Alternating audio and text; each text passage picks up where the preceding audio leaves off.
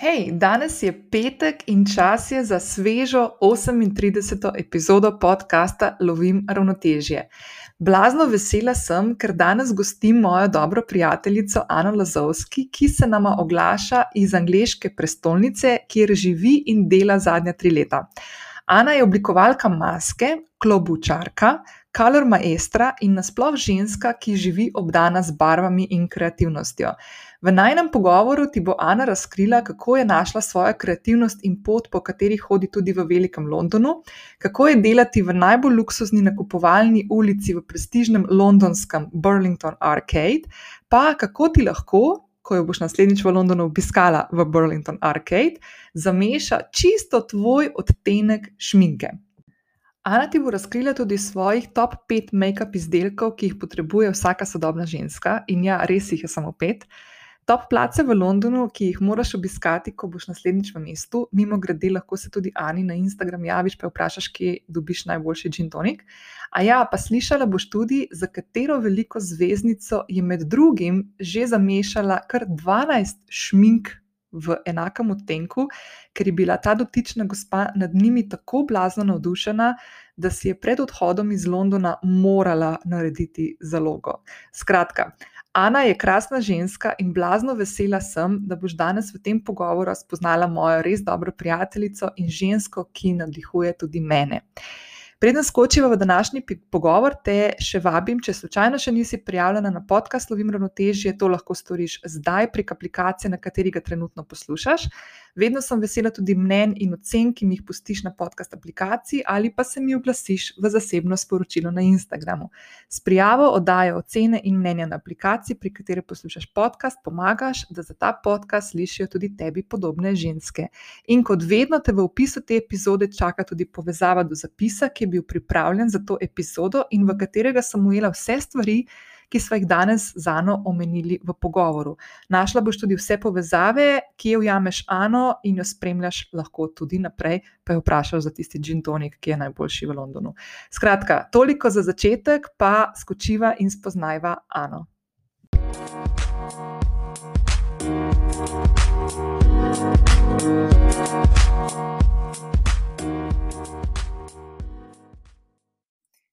Čau, Ana. Čau, Nina, čau, poslušalke. Čau. Okay, Ana, ti si zdaj uh, prva, ki se v podkastu Libro teže javljaš iz tujine. Pa bomo do tega malo kasneje prišli, ampak trenutno si v Londonu. Ja, tako je. V sončnem Londonu danes na srečo, po dolgem okay. držju in angliškega uh, spremenljivega vremena, uh, prihajamo tudi v poletje. Okay, ampak da mi nekaj povej, ker jaz sem živela v Londonu, ko je bila zima in uh, sem v bistvu imela razen tistih nekaj dni, ko je snežilo in je bil cel London kolapsiran. Dejansko nisem v življenju, pa sem na parkrat pol v Londonu, predtem še nisem doživela ful slabega angliškega vremena. A to, ta mit o ful slabem vremenu, da skozi dežuje, moraš imeti dežnik sabo, dejansko deluje. Mislim, je res to. To sploh ni res. Jaz hodim pač uh, že preden sem se preselila, to je zdaj tri leta, ampak predtem sem hodila devet let na recimo tri do štiri mesece gor. Um, v glavnem, nikoli pač, uh, da bi na, naletela na nek hud naliv, mogoče enkrat toliko, ampak da bi pa to padalo tako, kot recimo pri nas pada, ki pada pač cel dan ali pa dneve in tedne. Tega pač nisem res nikoli doživela. Tako da jaz mislim, da, se, da ta mit se je. Um, uh, ne vem kdaj, ne, ampak sigurno zadnjih deset let ga lahko um, pač podiramo, da ni več tako. Imamo ogromno sončnih dni in, um, in zime so tudi bolj mile, ne, niso več toliko uh, tolik ledene, uh, kukr, ne samo kar doma, ampak tudi uh, kar včasih so bile. Ne.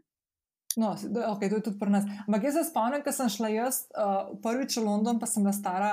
Uh, mislim, da tam okrog 25 let in mi mami, ki je živela v Angliji, ko je bila mlajša, rekla, ok, Nina, ful bo državalo, ful so grdi tipi, pa ful je bedna hrana. In jaz sem prišla domov in v desetih dneh ni nič državalo, ful lušnih tipov sem spoznala, pa zredila sem se za pet kil v desetih dneh.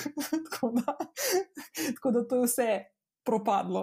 Ampak ja, um, ok, da uh, bova eno stvar sem hotla, uh, zdaj sem malo zašli, ampak nima veze. Hotla sem eno stvar uh, začeti s tabo in sicer glede na to, da je danes že kar pozno popovdne, pa si sigurno že fulejnih stvari naredila, uh, me zanima, kaj je najlepša stvar, ki se ti je danes zgodila. O, a razen tvojega povabila. Ki je bilo danes, ne? danes za dobro jutro, ja. Um, um, tudi, da sem ne, ne napovedano šla v službo, nekaj prevzeti in um, ker sem pač prišla ravno od fizioterapeuta, totalno v športne pravi neki in so moji. Um, moji gardi, ne, kot, kot si videla, imamo svojo, uh, svojo stražo, so rekli, uh, joj, kjer je uh, mladenka, uh, ljubna je pa tam šla čez cesto, jer ne, so se pač o tem pogovarjali, smo letko. Ah, nisem verjeti, se reki tako, ker nisi tako resno vlečena, zgledaš, kot da jih imaš 20. No, in to se mi zdaj tako smešno. Ne pač samo po, po angliško, ampak tako, glede na to, da me gledajo že ne, več kot eno leto vsak dan. Okay. Mi nismo navajeni, ne, tako brez. Okay, to moramo mi zdaj malo razložiti. Smiselno pa malo kasneje do tega prideti, ampak zdaj ta časna straža, ki imaš ti v službi, to zdaj deluje, da delaš tam uh, najmanj v Buckinghamski palači, ne, ampak dejansko še boljš. Ja. da, no, okay, da delaš v Burlington Arcade, pa boš zdaj povedal, kaj je to, pa kaj ta časna straža pomeni. Pa glede na to, da sem jaz te gospode tudi videla, mi je blazno neverjetno, da so bili tako v navednicah ne uradni, da so ti to rekli, mene bi to ful presenetilo. No, se je ravno to. Ne, se pravi, ena stvar, ki imamo mi, sigurno, uh, tako nekako ukorenjeno, je to, da ta uh, angliška prijaznost in, in vse ta politness in vse to, uh, no, kako je to v naših glavah, oziroma od, po mojem, je to. Um, iz srednje šole, pa osnovne šole, ki so nam tršice od angleščine pač to ubile v glavo, da to je zdaj res nekaj, kar je ful, treba paziti. Pa tako, no, pač seveda lahko priješ uh, čisto druge. Um, Prijetne situacije, kot je bila ta danes, ampak seveda naša, eh, naša straža v Burlington Arkadah je, se pravi, Burlington Arkade so ena najstarejših uh, shopping centrov, uh, recimo temu, oziroma uh, kako bi rekli temu, podhodov. Ja, ni glih shopping center, da se ne bojo ljudje predstavljali, da je to nekaj tazga, ki pri nas, ne vem, supernova v Ljubljani ali pa City Park ali pa v Angliji, Herods, naprimer, ki je tako v bistvu kot neka taka zaprta ulica, uh, ja, podhodnik, ne, kjer je v bistvu kot trgovine noter. 41? Ja, nekaj ne. tega. In, to so mečkani butički v bistvu, ne, tako. In, in uh, to je, mislim, za tiste čase bil to shopping center, ne, to, to, to ja. reči. V glavnem, to je Lord Cavendish eh, naredil za svojo ženo, da bo lahko umirno kupovala, da bo, uh, in seveda, da bo še bolj umirno kupovala in zapravljala, uh, je tudi um, usposobil najmanjšo policijsko enoto, kako se reče temu. Uh, v glavnem, to so naši uh, Beatles, se sami sebe uh, so se poimenovali, v glavnem, in to so pač gospodje, ki so v teh uh, častnih uniformah, ki so neskončno smešni. Mislim, meni so smešni vsak dan, ki pač pridem, tako, mislim. Nekako mi polepšajo dan, zato ker so vedno pač tako neskončno nasmejani, prijazni, prijetni. Uh -huh. V bistvu pomagajo, v bistvu so kukareni taki, malo so vodiči, malo povejo, kje je kaj koga zelo radi imajo zgodovino, tako da v bistvu niso neki policaji, ki tam stojijo in so tiho in uh, se ne premikajo, ampak so eni taki, um, uh, ne vem, eni taki drugačne vrste konsierži, bi jaz rekla. No? Um, no, se, evo, zdaj sem šla ravno na Wikipedijo, mesko govoriš in lahko povem, da je bilo lansko leto, je bila 200-letnica, odkar so Burlington Arcade odprli in da gre za uh, 179 metrov dolgo uličico, ki je vzhodno od Bond Streeta proti Piccadilliju. Um, tako da se boste mogoče predstavljali, če ste bili kdaj v Londonu, Bond Street, pa New Bond Street, da tiste res taki prestižni ulici, kjer so. Same, hudi, um, same hude trgovine, uh, teh znamk, prepoznavnih, modnih, ampak tudi Burlington Arcade ima v bistvu same nore blagovne znamke, noter, pa enega čevljarja, ne, uh, ta, ki še dela na tradicionalen način čisti čevlje, predvsem moške. Ja. In uh, Ana, ti imaš tam svojo pisarno oziroma trgovino, v kateri delaš. Ej, bomo do tega pol prišli. Aj prav? Okay. Okay. Dej, sam do začetka. Dej, preden, preden sploh začneva, mi dve točno, kaj ti tam v Londonu počneš, zdaj, ki si že tri leta tam. Dej mi najprej en korak nazaj. Uh, kdo je sploh Ana? Zdaj, za nekoga, ki tebe ne pozna, Uh, kako bi se ti predstavljala, kako bi rekla, kaj, kdo, kdo si ti? Pa, pa ni treba samo, kaj delaš, ampak tako, kdo je Ana, kaj je tisto, kar te dela, to, kar si, ko te mi poznamo, ki te poznamo dobro, pa vemo, kakšne kvalitete nosiš v sebi. Mislim, to je to, seveda, ne? tisti, ki me poznajo, vejo, da je to nekaj najtežjega za me reči. Povedati ali pa sestaviti uh, nekaj skupaj. Um, jaz bom rekel samo, da sem pač. Ana Lazovski.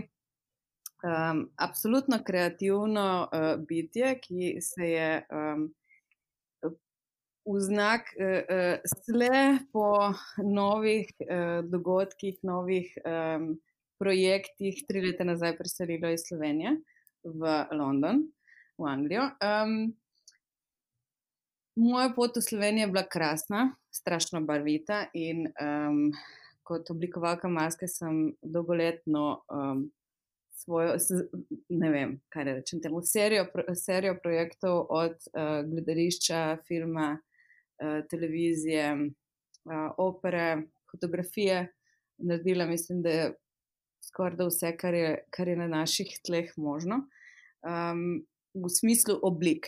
Okay? Um, in, um, tako da um, nekako se mi je zdelo, da je cajt, ali pa da mogoče je zadnji vlak. No, to je zdaj ta okrog 30, ki se malo, ne, ki malo zdaj ne veš, ne, ali je zdaj to v redu, ali ni v redu, ali te neke eksistencialne uh, krize, ali kako ti rečeš, temu lepše. Um, ja.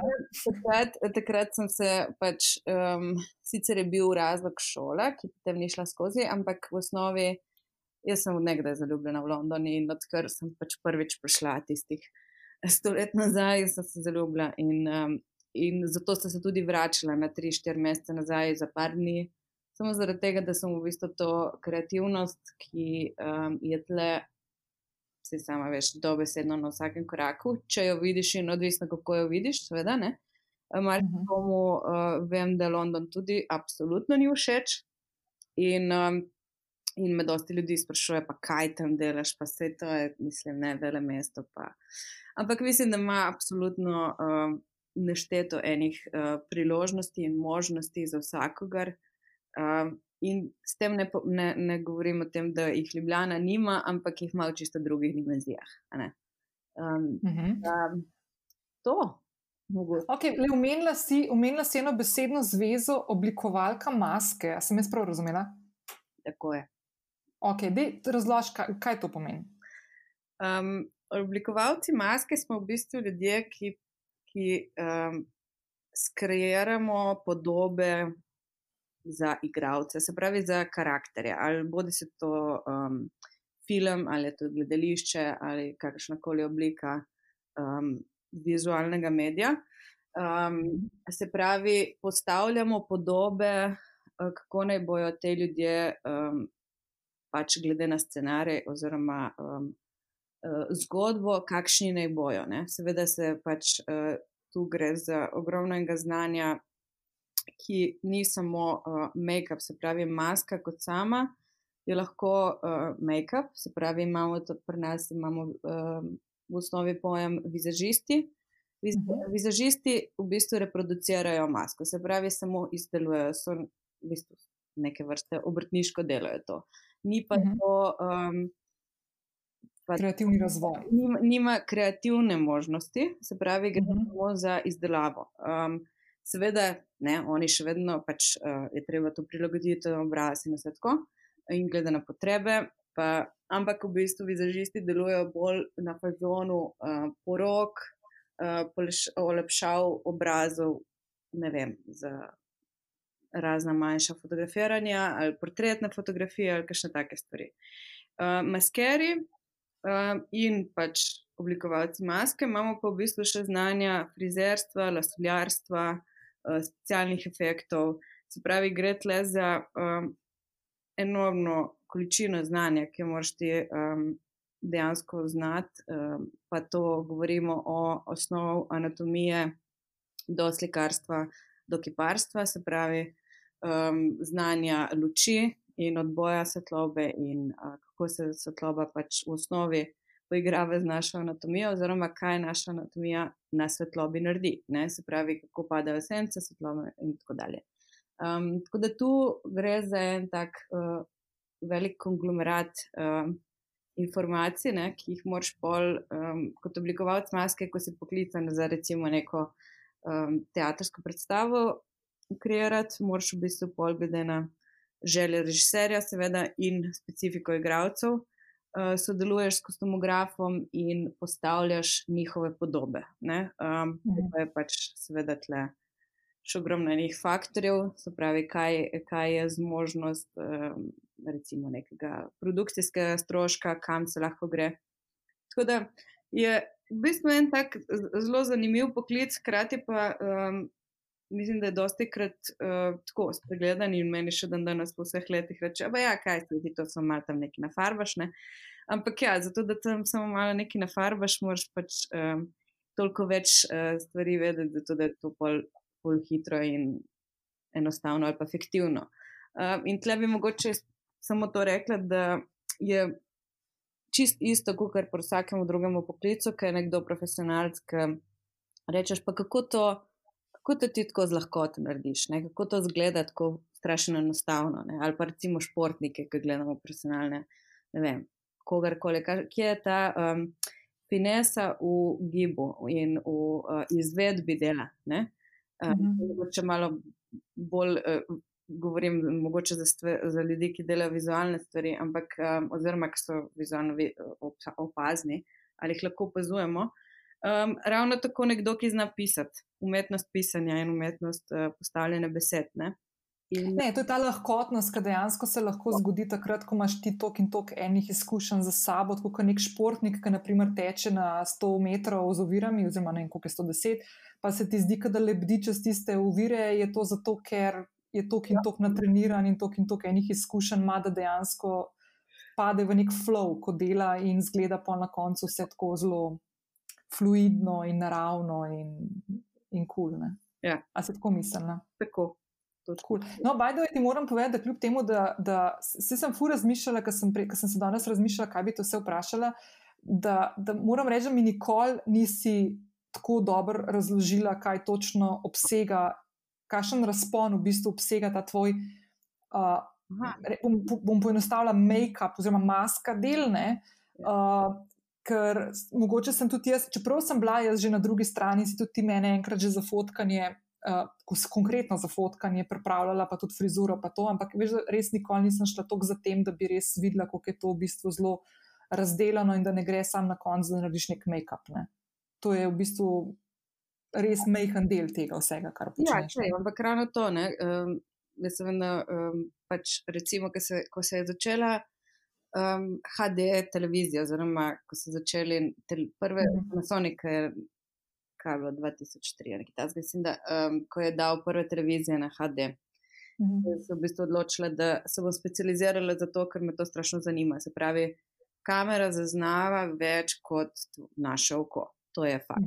Mhm. In kako zdaj narediti make-up kot en make-up, whatever, karkoli pač že je, tako da v bistvu ni videti. Se pravi, v bistvu gremo na to, um, ugremo v to vejo, ki je, ki je, film in video. Mhm. Um, in um, tle so se pravi, da seveda neštete krat bila vprašanja, pa kaj se je, oni so take, kot so. Ja, ne, niso, ne. vsak ima make-up, ne. tudi vsak v filmu ima make-up, tudi moški ima mhm. make-up in tako dalje. Ampak tle je meni bila recimo ena ta. Um, um, Kako ne rečem temu, uh, strast do, do tega, da, da ali sem sposobna narediti tako, kot je treba.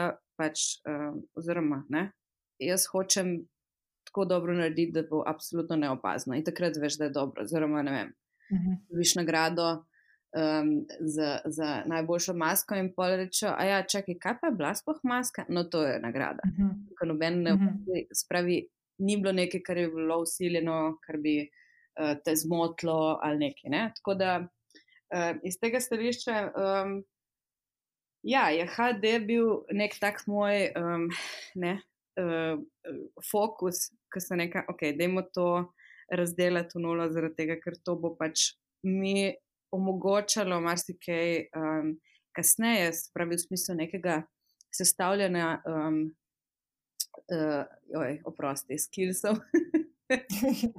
okay. Zna, Spretnosti. znam spretnosti, oprosti. Ja. Ne, ti si zdaj že tam, ne, da pač pozabiš besede, kakšne jaz se štekam. Jaz sem to po pol leta, tako čisto razumem.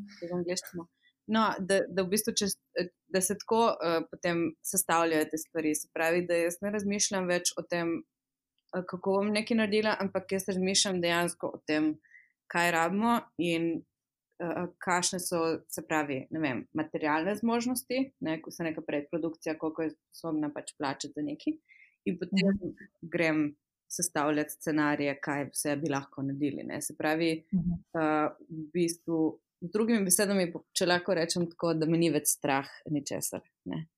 In Mhm. uh, da sem v bistvu prišel do točke, ki sem jaz samo en dan tako. Sem sedela na eni terasi svojega bližnjega stanovanja, no, z krasnim razgledom, tle nad Londonom, in, um, in sem jaz samo v enem momentu tako, pač en tak flash sem dobila in je bil tako. Jaz v bistvu ne bojim več ničesar, omejkov.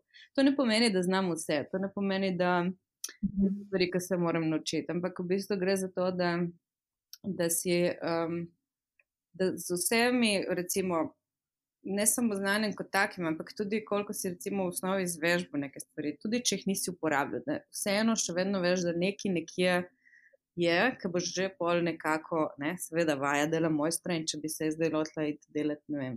Če bi dobila projekt za delati specialne efekte, bi mogla se konkretno um, lotiti najprej vaditi nazaj stvari in uh, se spomniti vseh štosov. In seveda pač se materijali neskončno hitro tudi spreminjajo in je treba v bistvu uh, temu slediti. Uh, zelo je pomemben faktor kamer, ne.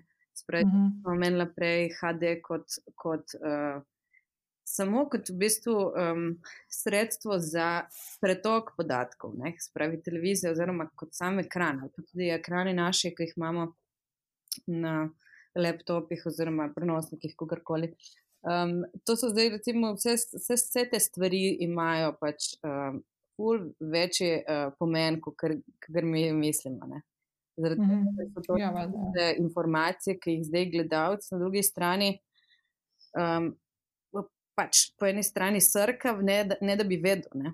In pol s tem se seveda pač ne, postav, mislim, uh, provajdajo trendi in, in vse te stvari, kar, uh, kar potem uh, pripelje do pač uh, kupne moči. ne. Um, Okay, ampak zdaj ena stvar, ena stvar pri, pri tvojem delu, ki si jo zdaj omenjala, je ta del um, maske, ki jo pripravljaš, naprimer, da je, si rekla, kao neopazna, oziroma da ne, da, da ne naredi nekega. Ne šoka, ampak da te ne preseneti z neko stvarjo, ki mogoče v nekem trenutku, ne vem, v filmu pa to, mora biti, naprimer, fokus na zgodbi, na igranju in tako naprej, na besedah, mogoče ne toliko na maski. Ne. Ja. Druga stvar je pa, kot si že malo omenila, nakazala je pa tudi ta, te efekti. Ne. Tako da ti v bistvu si tudi full dobra in si tudi že veliko delala s tem, da si, naprimer, delala močne maske, izrazite, da velikrat tudi tako, jaz vem, kaj si, uh, mislim, da letos nisi prišla za pusta, ne, ampak prej, prejšnja leta si imela vedno take čist nore, svoje frende, pa to si maskirala v take bizarno, noro, hude maske, ne, uh, ki so bili tako res taki že efekti, ki si v bistvu sestavljala 3D model nekomu na obrazu, ne, dobesedno, če se prav izražam. zdaj tako. Ja, super, hvala, lepo. Um, ja, letos nisem prišla so bili vsi sitni, oziroma je začelo to, začelo to obdobje.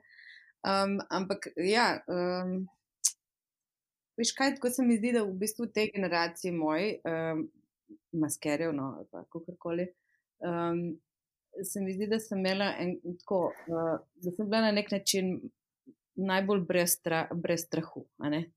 In uh, sem se v bistvu drznila iti neke stvari, ki pač um, me ni zanimalo, zdaj tle nek point za, za tem, ali to nek, kakšen je namen temu ali nekaj. In potem, hvala Bogu, imam, uh, imam krasne prijatelje, ki so mi, um, ki so bili v bistvu vedno mogoče na nek način malo feni. Um, Ki so me v bistvu na ta način spodbujali, da se klet naredi, kar češ. Ne? In to je v bistvu neke vrste, kot za frizerja, ki se stranka mu vse, da nastoj reče, ne ve, kar želiš. To pomeni, da v bistvu imaš zaupanje. To pomeni, da imaš um, neke vrste čas, da, da lahko se izraziš kreativno, kot že hočeš, zaradi tega, ker vejo, da boš ti upošteval njihovo recimo, anatomijo, spet, ali pa strukturo obraza, ali pa kam grejo, mm. grejo na žur.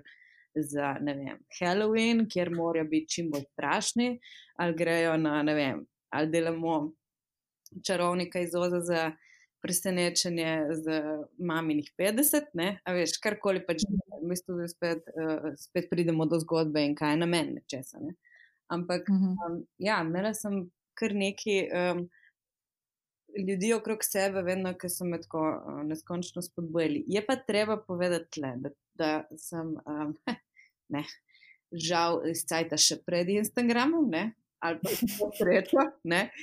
In, uh, in tudi YouTube v bistvu takrat ni bil um, nek, neko sredstvo za niti za učenje. YouTube si v bistvu poslušal musko, um, uh mhm. -huh. je do video spote. Ne? Spomniš se tega cajta. Ja. In uh, tako da v bistvu ni bilo nikoli nekih teh, um, niti da bi imel priložnost, recimo, videti, kaj drugi ljudje delajo, oziroma kaj vse se lahko dela, ker zdaj vedno boš ti nekako omejen na to kaj je tvoj, kaj je tvoj job, kaj, kaj je zdaj, kdo te pokliče in kaj je tam treba narediti. Mhm. Um, zdaj to, da se sam sebe šminkaš ali pa neki frende tako za brez veze za doma, je to samo ponavadi neka vaja in rabiš neko, nek jasen plan, kaj je zdaj tle treba zvaditi, recimo, ali pa pač probati, ali ne vem, kakorkoli.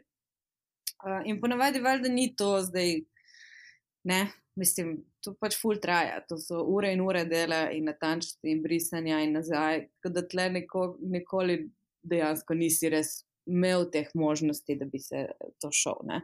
-huh. Je bilo uh, ogromno probavanja, valjda na, na, na mojem obrazu, pa ne, posod. Rane sem se učila na nogah delati, pa na svojih. Pa tako, uh, a veš, uh mhm. -huh. da tle. Um, Je to dan danes, mislim, da mislim, neskončno lažje po eni strani, po drugi strani pa mislim, da to um, nekako v, kreativno um, omejuje ljudi, zaradi tega, ker mhm. ne, ne, ne vem, mislim, da nam pomote. Jaz tudi marsikaj sem prekopirala in kadar je treba delati, ne vem, za pusta ali pa za Halloween ali nekaj, ki pridejo ljudje s fotko, je to njihova želja. Jaz sem pač tam zato, da to da to pač njim uh, uresničim in da to njim dam na obraz in da to oni nosili. To pomeni, da, to, da sem jaz v bistvu čist ne, samo izvajalec tega.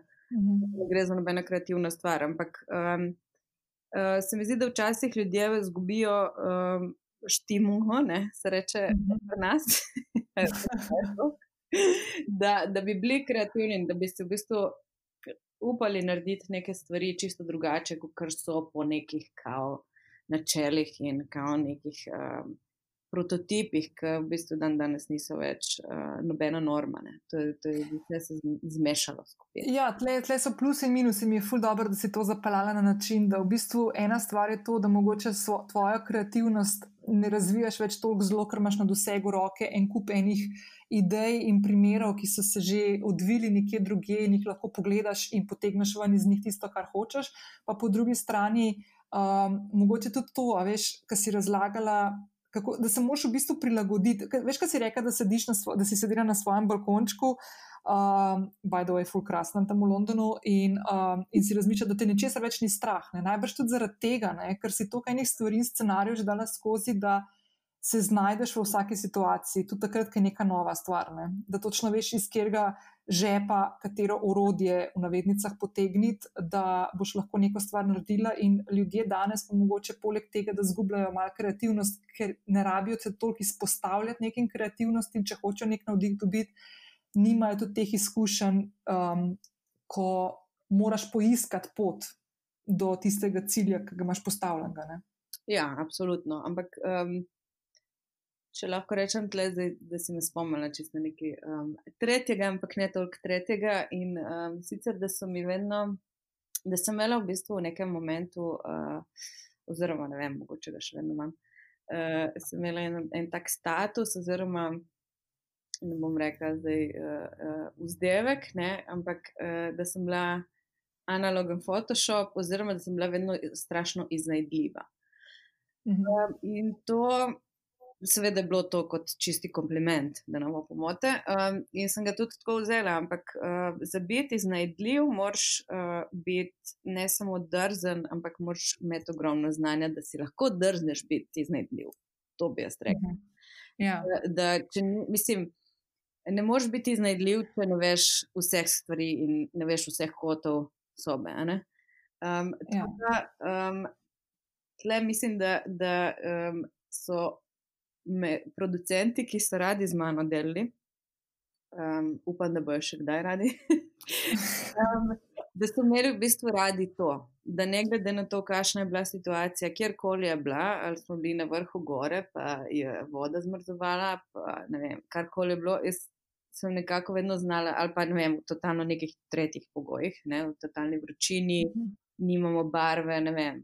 Upojnost kože od igralca je taka, da pač vse zgine po petih minutah, ali pa smo delali zlate roke za Viktorja, smo snemali te napovedne špice in, in, je, ko, in je pH uh, kože um, uh, igralca teh rok bil tak, da je ta zlata barva, ki sem jo nanašala, um, je v bistvu oksidirala.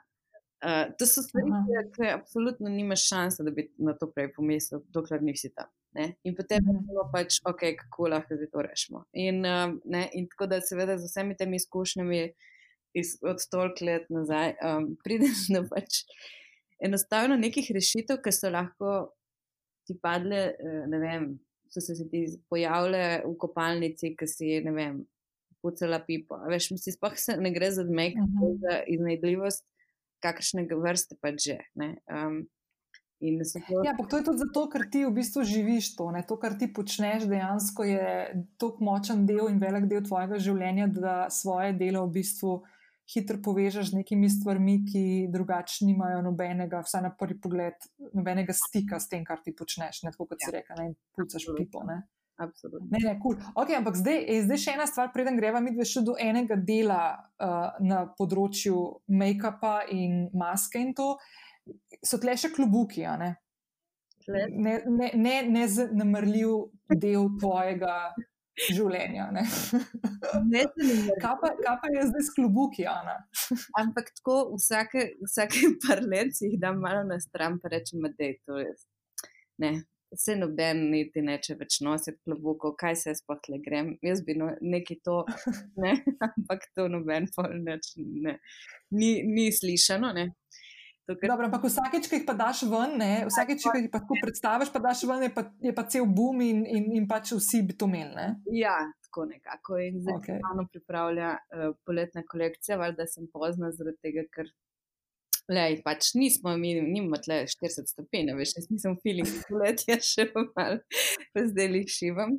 Um, no, ampak bolj vsak, uh, vsak čas uh, zunaj nekaj bolj lažjega in barvastega, da nam ulije malo, malo, um, malo sonca. Um, ampak ja, klobuki so ne vem, veš, ena, ena taka smešna stvar so klubuki, jaz bi rekla.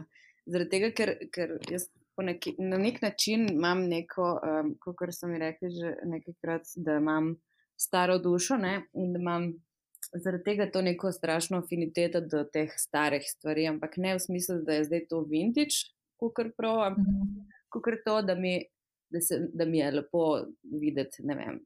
20, kako so, so pač, kakšni so bili stili uh, določenih posameznih no, obdobij. Um, tako se mi zdi, da, da je imelo nek šarm, da, da ta šarm nekako mal pogrešam jaz pri pr, uh, današnjem času. Uh, nekega, pa ne govorim zdaj o nekem stilu, da mora biti to enovito in tako, ampak o tem, da ima nek uh, zaključek, da ima neko zgodbo vsak človek s svojim stylingom. No. In uh, klobuki so, seveda, ne, pač bili vedno nek moj um, dodaten, uh, kako ne rečem temu, uh, odraz moje kreativnosti. Ne? In nikoli se nisem prav tudi, ki je ravno tako obremenjevala s tem, ali bo to zdaj um, prav, ali ne bo prav, ali bo narobe, ali kaj sploh prav. Ne? Ampak sem šla za tem, da pač delam to, kar mi je fajn, kar se mi zdi, kar, bi, kar je meni všeč, kar bi jaz dala na sebe. Um, če to ne gre skozi polpe, ne dam iz sebe od rok, se veš. Um, da ja, pol, seveda ne, pri nas je to bilo Um, na momente, mislim, od začetka je bil totalen boom, mislim, noro. Poje se je spet malo uh, umirilo, poje spet se je začelo. Tako nekako je, ne vem, se mi zdi, da tle je pomemben faktor tudi uh, medijev in, in samih trendov in kaj prihaja v trgovine, zaradi tega, ker mislim, da slovenke nismo tako, da bi zdaj pač šle kar veš, v neke ekstreme. Pa ne govorim zdaj o ne vem, metrskih klobukih, ampak um, klobuk oziroma te neke naglavne dodatke so bili vedno nekako nek tak. Ah, kaj to, ne? to, če ni poroka. Kaj, kaj je tega treba? Ne? Ja, ja, ja. Treba, če ni poroka, da imaš tiaro, pa če ni to zdaj, uh, ne vem, mama od ženina, um, načeloma se to itek ne rabiš. Rabiš slamnik, zato da greš na more. In to je to, nekih teh dodatkov, kar da je to nek del, ne vem, kot so prstani, zapestnice, ne vem, karkoli. Ni bilo, dokler pač to ni prišlo z Houndemom in Zarojem in vsemi temi uh, masovnimi produkcijami ven. In, ampak še vedno ne, obstajajo ljudje, ki so pač, uh, ki jim je pomembno, da je to samo njihov kos, da noben drug nima tega, da so to v bistvu res uh mhm. -huh. ekskluzivni, uh, ekskluzivne stvari, pa to ne pomeni, da so drage, ampak da, pač, da so dejansko oni edini lastniki tega kosa. Ja, da ne greš po ulici in srečaš tri, ki so z enako stvarjo na glavi, ker so to kupili v Zari, ker je pač to. Ja. Ne, na vsakem. Ja, ja. Ampak, ej, po, ampak fore, ful mi je zanimivo to, ne, kako si šla ti pol v London, ker po mojem je to prestolnica klubukov ne, na svetu. Ker glede na to, da um, To sem zadnjič z Barbaro, moja prijateljica, ki dela na protokolu, pa jo bom tudi gostila v, v podkastu, ker bi rada, da poslušalke tudi malo več zvejo o protokolu, pa kako je fajn se obleči za kakšno stvar, pa, pa te stvari, pa kako se obnašati. In smo se pogovarjali o tem, kdaj je treba imeti klobuk na glavi ob angliški kraljici, in smo ugotovili, da čakaj, je treba ali ni treba do šestih popovdan. Neka ta fora je. Treba. Kaj da? Je treba. Ampak ne vedno. Mislim, da je ena ura, je, ko ni več treba imeti klobuka gor. Ja, po šestih za notranje dogodke. Aha, ok, po šestih za notranje, spravi pred šesto, pa za zunaj, pa notri je pa treba imeti neko pokrito krono glave. Ne? Zdaj, ali je to klobuk ali je to neko broč, ki ima neko dodatno stvar, da ti pokrije zgornji del glave ali pa ob strani, uh, je, to, je to pač nujno. In zdaj, če, če greva mal nazaj, pa le, ker te bom zdaj malo sprašvala tudi naprej, če, če nočeš povedati točno, za koga mi ne povedati. To te bom zdaj samo tako splošno vprašala. Ampak ti si imela že priložnost, da si tudi šla tudi s svojimi klubuki na to znano uh, angliško letno srečanje kraljevo na Eskot, to so konjske dirke, kjer je tudi kraljica in kraljeva družina prisotna. Ja. Kako tam, tam ima vsak na glavi klubuk, ne? in moški, in ženske. Ne? Vsak. Ni človek, mislim, ne vem, spoh, če lahko prideš noter, če nimaš klubuka. Ne, mislim, da ne. Uh, ne, to, smo, to je bilo tri leta nazaj na povabilo uh, takratnega uh, slovenskega ambasadorja v Angliji. Um, sem, sem bila v bistvu njun gost uh, z ženo, smo šli um, pač na Ladies' Day, ki je v bistvu četrtek v tretji teden v juniju, je um, Royal Ascot, kar pomeni, da je v bistvu to edini teden tega Ascota, se pravi konjskih dirk, ki um, ga gosti kraljica. In četrtek je namenjen ženskam. To ne mhm. pomeni, da jih je več ali nekaj, ampak v osnovi na četrtek se ne, pokaže vse, kar lahko. In je to, to je smešno, da pač nisem bila, jaz sem bila seveda tako, ne, pač tako. Meni je bilo zanimivo, strašno.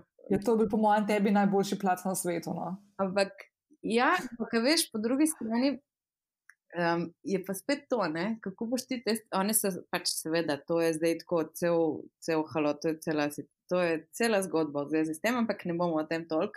Ampak uh, point je v tem, da se seveda unek, ki so pač, bom rekel, s tem malo bolj brez okusa, morajo biti ve, vedno še večji in še večji, kot karuna soseda. In je ta moment, ki pač prehajajo tako, da niti hoditi ne morejo, več, da jih morajo držati, da so tako velike. Mislim, ne vem, ko prijajo z vrata. Pač, od takih ekstremov um, do pač teh, ki so zelo minimalistične in so v bistvu, jaz sem vedno bolj, bolj za te, ne, ki, v bistvu, uh, kjer vidiš, kako klobuk lahko samo elegantno postavi silhueto. To ne pomeni, da je zdaj on velik ali da se dere ali nekaj tako, nekako kot prvnem uh, uh, HD make-upu, veš. Aha, ja, ja. Pika na i na koncu, ki dopolni vse v celoten izgled in, in zgodbo, ki jo nosiš na nekem dogodku okrog sebe. Ja, to absolutno. No, ful dobro, zdaj bomo šli na unta tretji del, ki se ga ti v zadnjem obdobju ful lotevaš in, in sem tudi jaz z njim tako uh, čustveno ful povezana, ker si odprla eno čakro premen. Uh, pa tiste poslušalke, ki me spremljajo na Instagramu, bo po mojem zdaj že poštekale kaj. Ampak jaz se spomnim lani, ko si ti um, preletela direktno iz Londona na otok Krk, na letališče, ki pa je sploh nisem šla za tem, da je odprto, kadarkoli bilo naprej. In se spomnim, da prvi večer, ko si prišla, si prenesla za mene en obroč, ki si ga naredila oh, ja. s takimi rožicami. In prenesla si mi uh, šminke, ki si jih ti naredila, pa bodo do tega še prišli. In mi dve smo šli potem, če se spomniš, zvečer v mesto Krk na večerjo s klubuki, z rdečimi šminkami in so bili dejansko, po mojem, the persons in town, tisto večer. In je bilo res tako ful dobro. Tako da, ok, ampak zdaj, zdaj, ta, zdaj te bomo v teh šminkah vprašala. Ja. Zdaj, ti si še eno stvar, tukaj poleg te maske, ki si prej razlagala, nadgradila svojo uh, profesionalno, strokovno pot s tem, da si uh, color maestro. A sem prav rekla? Maestra, maestra. Maestra, ja, itak, itak, maestrica, maestrica. Ja. ja. No, zdaj, ok, zdaj jaz preden poveš, kaj to je, bom jaz sam zelo enostavno povedala, da če greš v London in najdeš Ano v Burlington Arcade, tam, ki greš mem tistih gospodov v klubukih, pa teh telesnih stražarjev od Ane, ne, ki so vsi njeni prijatelji, pa imajo ful radi. Uh, prideš lahko v to trgovino, kjer Ana dela in Ana ti naredi šminko, tako, kot boš imela samo ti na svetu. Ja, točno. Okay. No, zdaj pa razlož. A ja, by the way, samo da povem, jaz bom v opisu te epizode spodaj te bo čakala povezava do zapisa epizode na moji spletni strani in jaz bom tja gor prelepla video, ki sem ga lani, ko sem bila pri Ani na obisku v Londonu v septembra, posnela cel video, kako Ana naredi šminko. Tako da lahko tudi jaz hočeš pogled, Ana, ampak zdaj pa lahko ti malo razložiš, kaj to hudiče sploh pomeni. Kaj to hudiče sploh pomeni? Uh, no, kot ste slišali, lahko imate svojo unikatno šminko. Um, zakaj? Zaradi tega, ker so um, lastnice tega brenda, to sta dve uh, poslovni ženski, ugotovili, da um, ker nimata časa, ker ena, ena je strašen entuzijazem za make-up, ena pa niti ne toliko, ona samo hoče imeti stvari, ki so dobre in ki delajo, ki se ji ne da ukvarjati, da se popravljajo. No, in sta um, po dveh letih uh, pač postavljanja tega, um, te znamke, da so prišli do tega, da bojo naredili v bistvu svoj laboratorij za šminke. Spravi to dejansko ti ne moreš ti nikjer drugje dobiti, ker laboratoriji za šminke so enormno veliki, velika večina jih v Italiji, um, kjer tudi se proizvajajo pigmenti um, in vsi te. Uh, Se pravi, modeli za to, kakšne, bo, kakšne oblike bo šminka, in tako dalje. Tako da velika večina šmink, ki jih imate v svojih kopalnicah, so iz Italije. No, ne, vi, mm -hmm. Italija. V glavnem, um, što z te, te mašine je pa ta, da v bistvu ti dobiš šminko, oziroma celotnega servisa, ampak zaradi mašine je to možno, um, dobiš ti dejansko svojo šminko v tri četrt ure, narejeno v roke. Se pravi, od tega, da jo mešamo iz nule. Um, imamo deset pigmentov in, um, in vsakega posebej izmerimo na stotino grama natančno, zapišemo v formulo. In ko sestavimo pač uh, barvo, in mi se lahko zmišljujemo, kako hočemo, ne? to je najboljša stvar pri tem, zaradi tega, ker v bistvu uh, v osnov, uporabljamo primarne osnovne barve, se pravi rumena, rdeča, modra, bela, črna, pa imamo pa še te dodatne oranžno, svetlo modro, uh, vijolično in rjavo, ki v bistvu potem nam um, uh, spreminjajo za tiste male pikce, malo bolj ne vem, roza strdeča, malo bolj, ne vem, uh, rjava, nud, ne, ali pa svetla, ali temna, ali karkoli. Uh, v glavnem, tako da jo, vi jo probavate, dokler niste, mi rečemo, dokler jo ne najdeš. Ne? Se pravi, uh -huh. uh, ko jo najdeš, veš, verjemi, veš, ker rečeš, ja, to je to. Um, in uh, v glavnem, poleg mene je še uh, kolor maestro Juan, uh, en uh, strašno uh, simpatičen špant. Uh, ravno tako make-up artist, um, sicer bolj na področju body paintinga in, um, in take, take druge vrste kreative, uh, bolj za odr.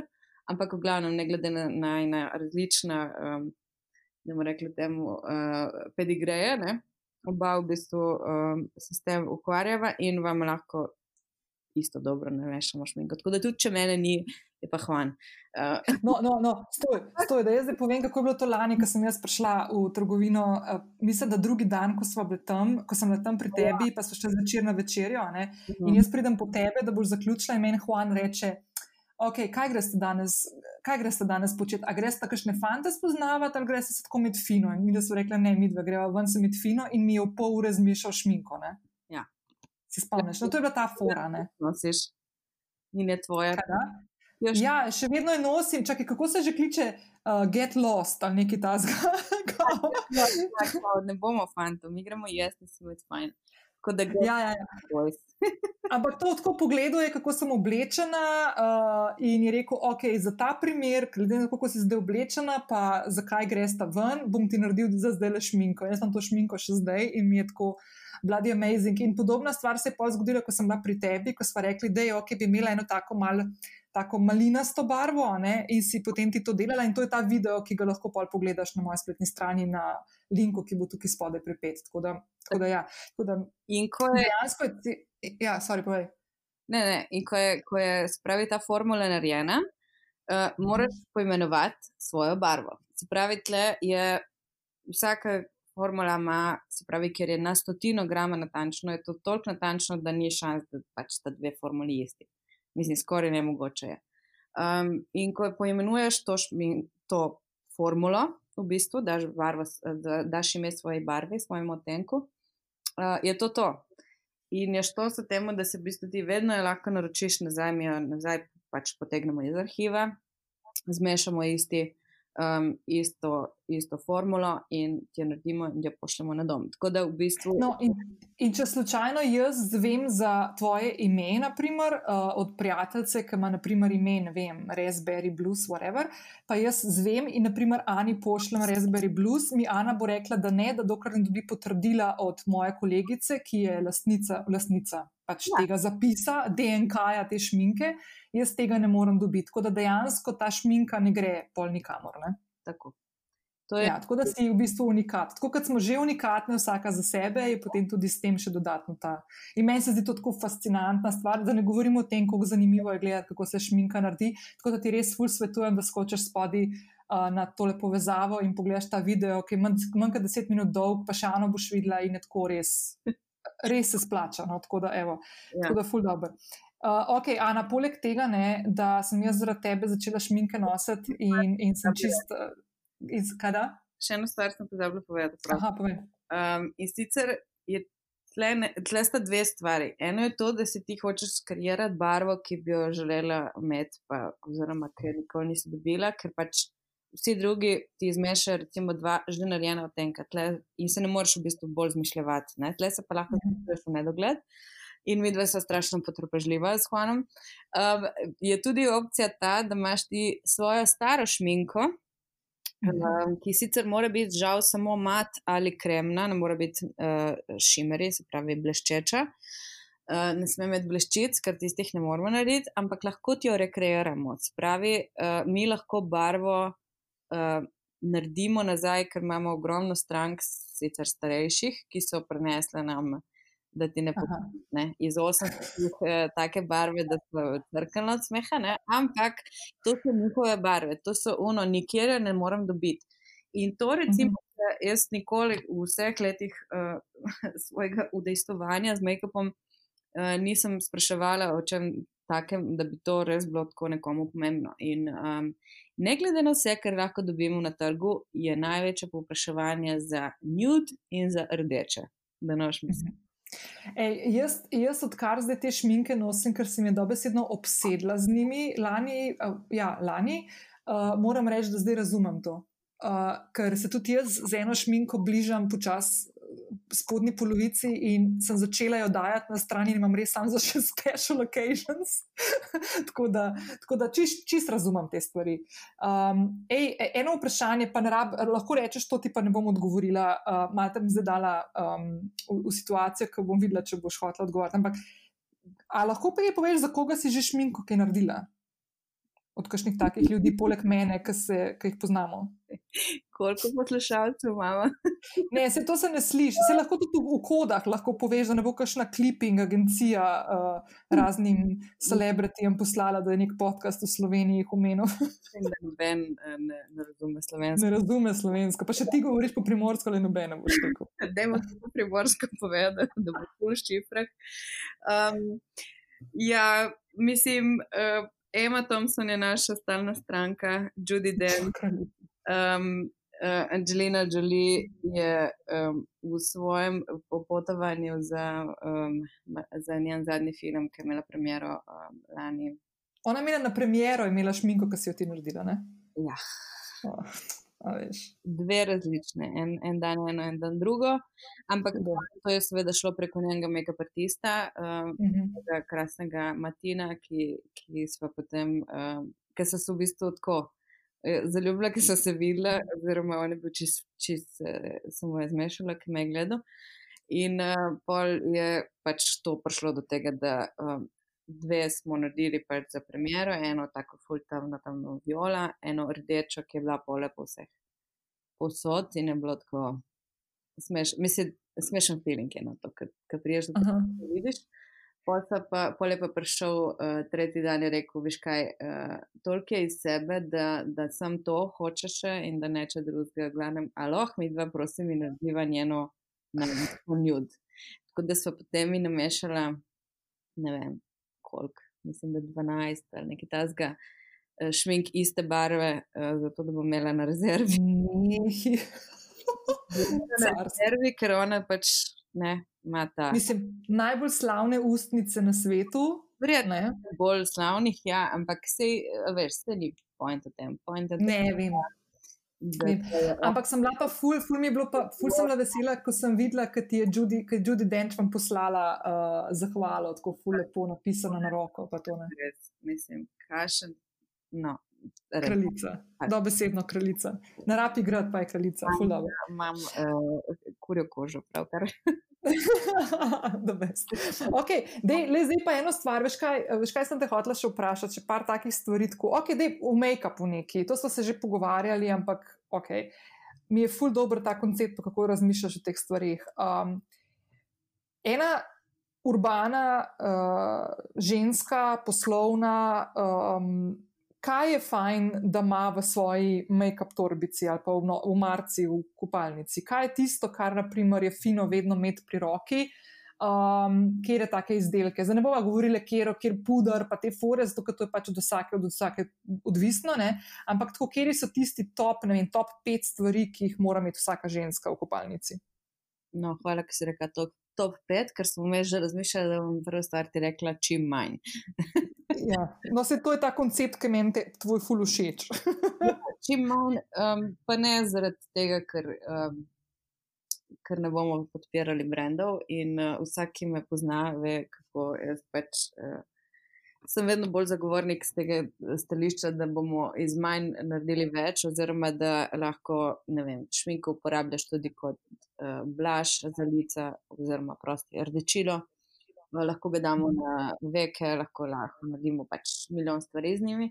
Tako da jaz bi v osnovi rekla, um, da se um, poslužujete stvari, ki imajo dobro pigmentacijo, ker, bomo, ker s tem si v bistvu prvo omogočate um, več nanosov za, ki, za zmanjšo količino. Um, hkrati je to um, bistveno bolj uh, ekološko in um, dlje časa boste imeli nek produkt. Um, tretja stvar je, da lahko ga narediš res nevidnega, da dejansko ga uporabiš samo tam, kjer ga rabiš in da to ni maska, da to ni fasada. Um, četrta stvar, ko, zaradi tega, ker ima dosti pigmenta, ima manj uh, drugih uh, sestavin in ponavadi te stvari, ki imajo, uh, produkti, ki imajo veliko vsebnost pigmenta, imajo ful malo um, umetnih uh, derivatov. Tako da so tudi zaradi tega bistveno bolj um, dlje časa obstojni, zaradi tega, ker niso nobeni, ne vem, ponavadi tudi nimajo parfumov ali nekaj takih, ker ne gre tle za. za uh, Feel uh, lovely produkt, ne, če lahko rečem temu, mm -hmm. za neko ugodje, ampak gre za dejansko za čisto uh, foro tega, da mora pač delati takrat, kadar je treba in to je to. Tako da jaz bi rekla, uh, en dober uh, tekoči puder oziroma BB krem, um, ki je zelo uh, hidratanten, ki ne suši vaše kože, ki vas ne naredi um, uh, sijoče v smislu, da bi izgledali, kot da ste potne, ampak to, da izgleda vaša koža absolutno nenormalno ne lepo. Um, se pravi, fokus na kožo, prvo kot prvo. Zaradi tega, ker če nekdo vidi uh, vaš obraz, kot imaš lepo kožo, bo to ne, že en velik plus za karkoli naprej. Tudi če nič drugega ni, lahko rečemo včasih, ne? oziroma če mhm. je samo dobra maskara, ki ne zlepi mhm. trepalnic. Um, en uh, transparenten uh, puder v kamnu. Kar pomeni, da si ga daš okrog vek, zato da se ti maskara ne um, pre, preslika pod oči, da nisi ta panda efekt, kot rečemo včasih, oziroma mm -hmm. da bi senčila ali karkoli delaš na vekah, da se to ne, um, ne odtisne. In mm -hmm. pomatiraš tiste dele, ki so uh, mogoče malo bolj, uh, imajo večjo tendenco k temu, da se svetijo. Um, mm -hmm. in, um, in to imamo, se pravi, imamo uh, podlago, imamo maskaro, imamo prozoren puder, potem jaz bi rekel, ful dobro temno rjav svinčnik za oči. Uh -huh. uh, ne bom rekel, da je črna uh, overrated, uh, ampak da, kako se reče, temu precenjena. Uh, uh -huh. Ampak um, je temno rjava vedno, ne glede na to, kakšno barvo oči imate. Um, bistveno enostavno je jo um, nanesti, na zabrisati, karkoli narediti z njo, je dobra osnova, je čisto za vse. In uh, seveda nek, nek, neka dobra šminka. Ne? Zdaj, če gremo na šminke kot same, jaz bi rekel, vedno en, en balzam za usta, ki mogoče lahko mhm. imajo nek, neki malega barve, ampak niti ni nujno. In uh, rdeča šminka, to je to. In rdeča šminka mora biti absolutno mat, zato ker pol, če hočeš imeti kremno, pač daš um, un, un balzam čez in imaš pol v bistvu kremno. Tako da iz tega je težje narediti neki mat. Tako da jaz sem vedno za mat, pa to, da ne stopi vse. Mm. No, in jaz lahko povem, da te šminke, ki jih ti delaš, ker so res ti narejene iz pigmentov, kot Kana, ki je prerekla, da, da je fajn imeti eno zelo močno pigmentirano šminko. To, na primer, pomeni to, prvo, kot prvo, te šminke ne sušijo ust. Ne? Uh, uh, barva je full časa obstojna in kot je Ana rekla, jo lahko naneseš enkrat in mogoče potem popraviš zvečer, če kaš na kakšno večerjo, malo tako, malo popraviš, ne pa da se moraš, ne vem, trikrat vmes namazati, ker ti je šlo dol.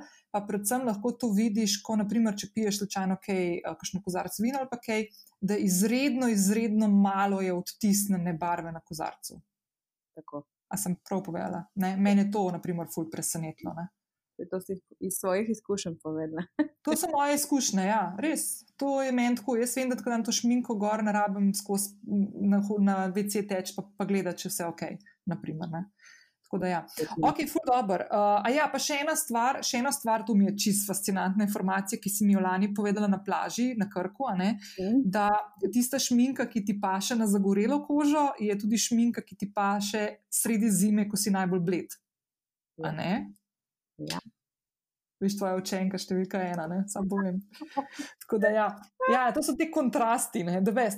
Okay, veš, kaj me zdaj zanima, zdaj malo v Londonu. Ne? Ti si že povedala, zakaj si šla v London, zdaj si tam, zdaj bo kmalo tri leta. Meni je to čisto fascinantno, glede na to, da sem jaz po pol leta zbežala, 10 let, 12 let nazaj. Uh, ampak, ok, da mi povej, kašni, kaj da? Drugi časi. Drugi čas, ja, ja, no, itak. Uh, da mi povej, kakšni so ki plusi, pa kakšni so minusi živeti uh, v Londonu. A tako ful na splošno. Pa tako, zber dva plusa, pa dva minusa. Pa če nimaš minusa ali plusa, tudi to je v redu, se ni panike. Ja, joj, ne vem. Uh, to, da imaš uh, povezave za transport, kamor hočeš, kadar hočeš. Razen, kako, razen, ko je korona. Ne, ne, dobro. Sorry. to zdaj malo sramno, ampak ja. Rush hour. Uh, Aha. ja. Uh, ne, dejansko lahko greš kamor čez s temi vlaki, se neskončno fajn potuje in uh, sploh niso dragi in je v bistvu vse um, bistveno bolj dostopno in jaz sem recimo iz uh, družine, ki niso imeli, uh, niso me moji starši navadili na, to, na ta potovanja in to sem imela vedno nek strah oziroma ne, pač za nas iz Gorice, prej do Ljubljane je bil to projekt vedno, ne. Uh, celo, celo otroštvo. Uh, tako da v bistvu to vsekakor ima pač nek um, sigurno pusti nek pečat. Um, in, in se mi zdi, da prav uh, prvič, ko sem šla sama v London, je bilo itak tako, uh, čakaj, jaz to res moram, a jaz to, zdaj kar šla sama in, in kar, kar brez, ne, tako pač nek ja. moment. Um, ampak to se mi zdi, da je ful naša taka, ne, domača logika, ne, da pač zato, ker nimaš vlakov in bi ti zdaj, mislim, kdaj si se spomnila, da bi, ne vem, kaj se še bila, recimo, potrošila, da bi šla ti zdaj pogledati v Maribor, kako je v Mariboru. Pač nikoli. Ne, ne, ne. ne. Tudi takrat, ko sem bila jaz tako stara, ko sem še dol na obali živela, ni bilo še avtoceste, je bila sam do razdrtega. Ne, no, ne glede na to, ne. jaz recimo ne vozim in pol pridem domov in hočem iti, ne vem, moram iti recimo v celje, ne, pa v, ne vem, kamorkoli, ne. V pivko, mislim, imam dva busa na dan in pač ne, to je ne. Ne si malo karikiram, brez zamere. Ampak, ne, ne, ne, vem, vem, vem kaj misliš. V Londonu je res pač ta sistem javnega prevoza res izpiljen v nulo. Ne? Ampak govorim ne samo o prevozu po, po mestu, ne, ker, uh, ker mislim, da je meni tle um, tudi to, da ti lahko greš malo ven iz mesta ali pa pač ne vem, uh -huh. karkoli. In da to ne predstavlja zdaj pol dneva, da to ne predstavlja, mislim, lej, um, na, mislim da je najhitrejša je ura deset da si ti že na obali, pa vemo, da, da London ni prav, uh, ni prav um, blizu obale, no, rekli da je v centru, ampak tako. Um, ne, čakaj, čeprav se spomnim, ko sem enkrat bila, uh, ko sem šla z vlakom v Manchester, uh, s rodnikom na obisk in se spomnim, da je zraven mene na vlaku sedel en tip, ki je šel v Edinburgh, Edinburgh in je rekel, da se vsak dan vozi v službo v London. Ja. Pazi to. In to je pri nas, uh, mislim, da dolga leta itak ni bilo sploh možno, pol se recimo začelo to, da se pač recimo iz Gorice v Ljubljano peleš v službo in neče, mm -hmm. da to je ena ura vožnje. Um, ampak vseeno mislim, da, je to, uh, da je to en velik plus v samo v mojem funkcioniranju, ko sem začela v bistvu na nek način se počutiti bolj svobodna. Da tudi ne vem, ker sem pač um, tisto prvo leto, ko sem bila tle, ker nisem v bistvu, ker sem iskala službo in nisem imela pač eno leto nisem imela službe, um, je, je bilo tako, da, oziroma še malo več, uh, je bilo tako, da sem se pač usedla na nek vlak in, um, in sem se kar nekam odpeljala. In sem pač šla kar na neki postaji ven, nisem, in sem v bistvu raziskovala mesto kot uh, arhitekturo, urbanost, uh, kako tam zgleda. In potem sem se usedla nazaj, underground, sem šla še dve postaje naprej, ali ne vem, karkoli, mm -hmm. tri postaje naprej. In sem v bistvu tako raziskovala in se mi zdi, da mi je to, uh, da mi je ta neka svoboda gibanja um, nekaj, kar mi je doma manjka. Ne? Kar mm -hmm. česa recimo ne bi mogla več. Ne? Um, mm -hmm. to, um, drugi plus minus. Um, ne vem, mogoče jezik. Od začetka sem imela recimo strašno strah, da ne znam angliško. Ne? Uh, in to, da je toliko uh, priseljencev in toliko mešanih ljudi, da me v bistvu da te opogumljajo, da ni ne, nič narobe, če ne govoriš. Ker konec koncev, uh, veš, kako reče tle. Um, če, če angliščina ni tvoj prvi jezik, to pomeni, da govoriš več jezikov. Ne, da, ne, dejmo, dejmo. Ja, govoriš ja. sigurno več kot poprečen angliščina. Tako, ne, in, de, in dejansko pravih angližev itek ne boš več uh, niti no, mm. znal, ampak mislim, vse ti znaš in jih srečaš, ampak tako. Ni to, da bi bila ena tako zelo omejena družba. Po drugi strani je tudi to, da recimo trenutni župan um, je zelo naravnan k temu, da se uh, vse te razno, raznolikosti, da ne samo pač rasne ali pa um, demografske, se, da se zelo podpira ne? in da ni, uh -huh. uh, da vsak uh, je dobrodošel in da je London v bistvu ratu. Mislim, da v zadnjih desetih letih še bistveno bolj odprt, kot je kadarkoli prej bil. Ne?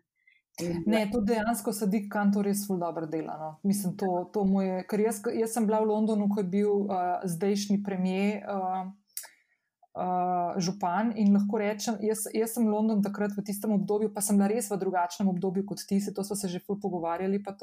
Jaz sem ga izkusila tudi kot izredno rasistično mesto in nacionalistično mesto v času, ko se je zgodila, dogajala gospodarska kriza in dejansko kot državljan Evropske unije nisi imel enakih možnosti na trgu, pa, bi, pa, pa jih po zakonu moraš, bi mogel imeti kot naprimer Angležine. Mm. Tako da, ja, definitivno in zaradi tega jaz tudi v London.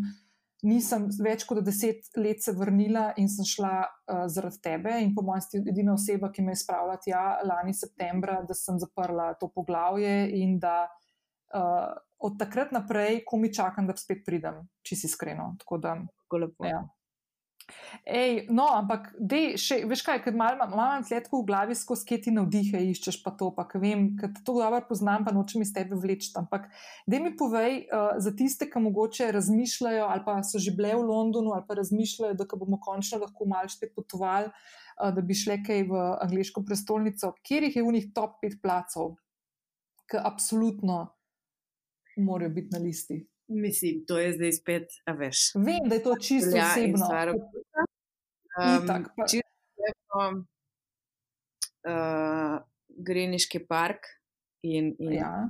in ta, uh, te doki za, za dostop z barko in to, ker uh, če štartite vaše potovanje, je neskončno lepo doživeti, iti um, potem z barko iz Griniča na uh, Westminster ali karkoli.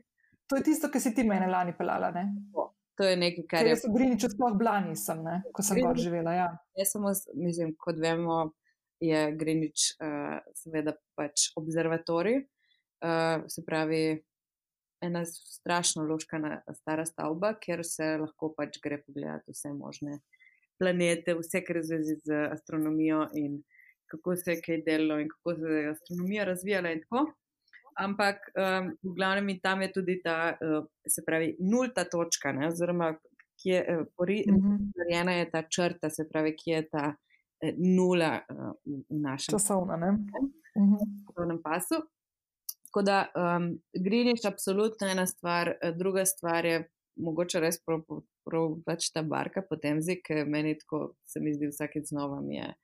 Mhm. Videti uh -huh. mesto iz te žabje perspektive, če lahko rečem temu tako, um, neki prav drugega. Ne? In to se spomnim, um, dve leti nazaj sem spoznala enega, um, enega Hrvata, ki živi tle že ne vem. 13 let in je rekel, a se kdaj voziš kaj tako z avtom? Ne? Pa jaz, ko, ja, kako ne, ne vozim pač. Ne rekel, čakaj, se nisi še vozila z avtom, pa se kaj ne, pač to s taksijem, kdaj kaj, oziroma da ti to Uber, ne, ker pač imaš kakšne krajše relacije in to, in on je rekel, ne, ne, ne, to, to sploh ne razumeš. In on ima avto in pol. Uh, In, in imam uh, ne, vsakem toliko, ki se dobiva, greva pa samo voziti po mestu. In tako spet nekaj, kar je uh, smešno, da je to sploh fascinantno. Ne? V bistvu Mhm.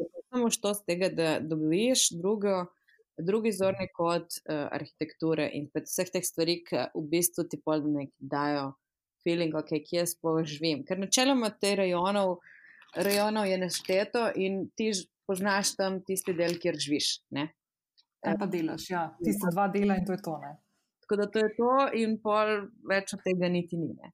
Tretja stvar bi jaz rekla, da so muzeji, ne? British Museum. Te... Končno si rekla muzej, to sem čakala. Tate pa vi je najsta moja najljubša, absolutno, pa mm -hmm. Science Museum, da ne opomote. Science je, uh, to, to, to, to, mm -hmm. pač peljem se, tudi moja mati se čist. Uh, ne, vsi se pač ful, zatreskajo na to, ker je v bistvu tako, kot da bi rekli pri nas bistra, ampak da je fully interaktivna in fully taka mhm. nadzorna in dejansko ogromno enih stvari uh, lahko naučiš. Pač, uh, mislim, ne, kukar povsod.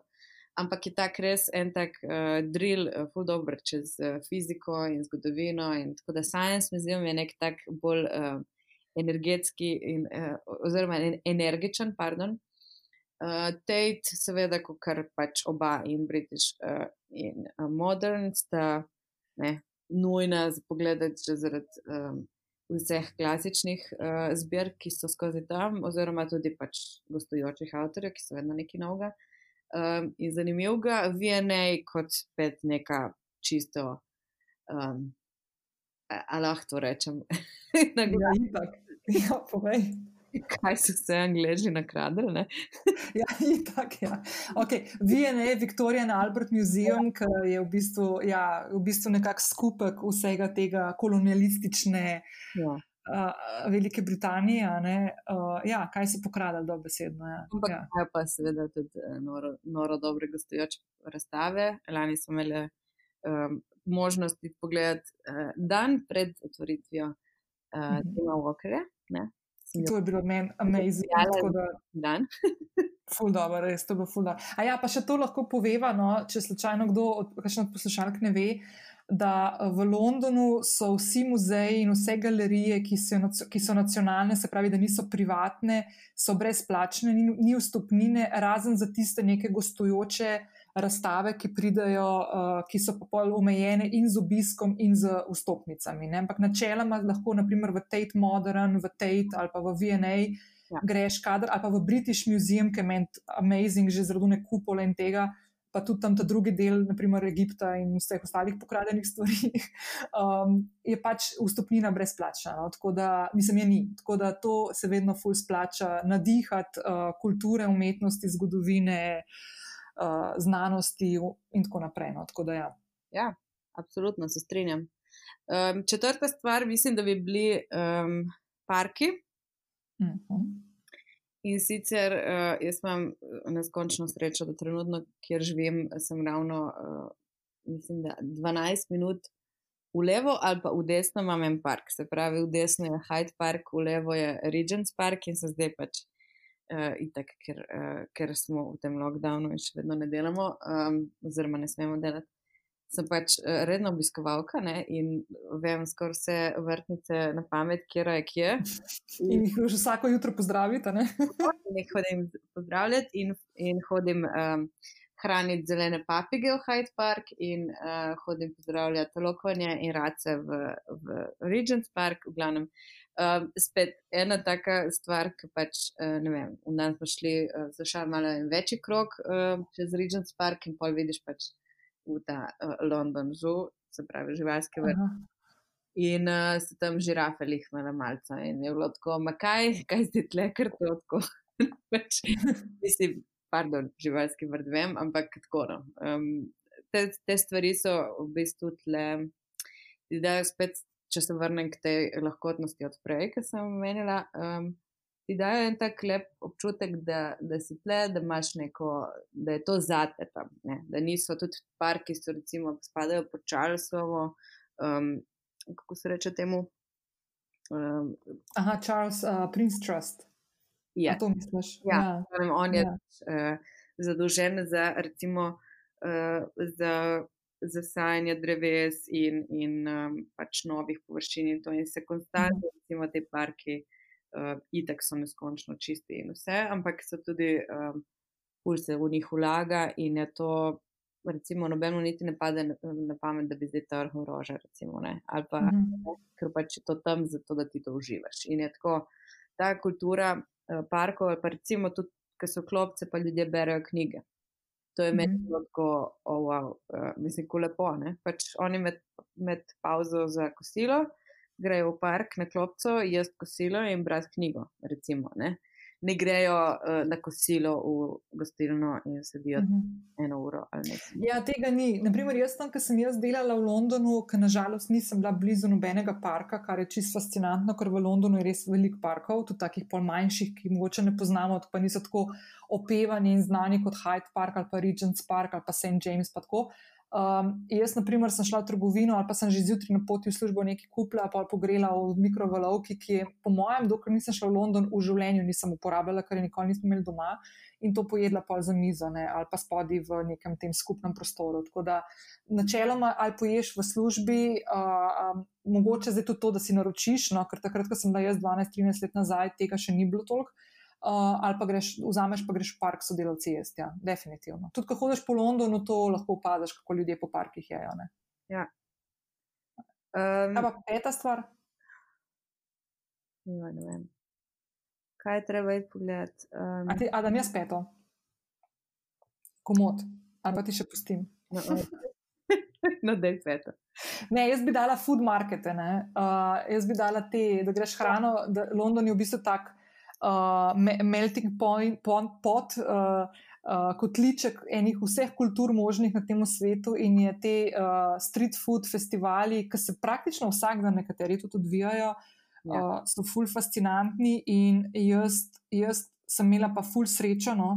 Uh, tako, jaz sem sicer to bolj opazovala, ker se tega nisem takrat mogla tako prvo všeti, ker sem živela v Londonu, uh, da sem živela zraven Borough Marketa ene od najstarejših tržnic uh, v Londonu, uh, ob London Bridgeu, ki je čist nora, čist huda. In sem pač opazovala tam in te um, prodajalce, kmete, ki prihajajo uh, iz, um, izven Londona, vozijo pač hrano prodajati, zasadi in zelenjavo v, v, v mesto. In pol vseh teh trgovin in resellerjev hrane, ki so res tako, ki je fuldober. Ja. Pa tudi to, da recimo um, lahko dobiš tako karkoli. Uh -huh. um, jaz se spomnim, še prej sem se preselila, kako so eni, uh, eni znanci tle skozi, skozi jedli jastoge. Ne? Pa sem zbila tako, pa kaj vi delate, mislim, imate to denar, pa sem si tako, kaj sem mala, pa tle to ful po ceni, a veš.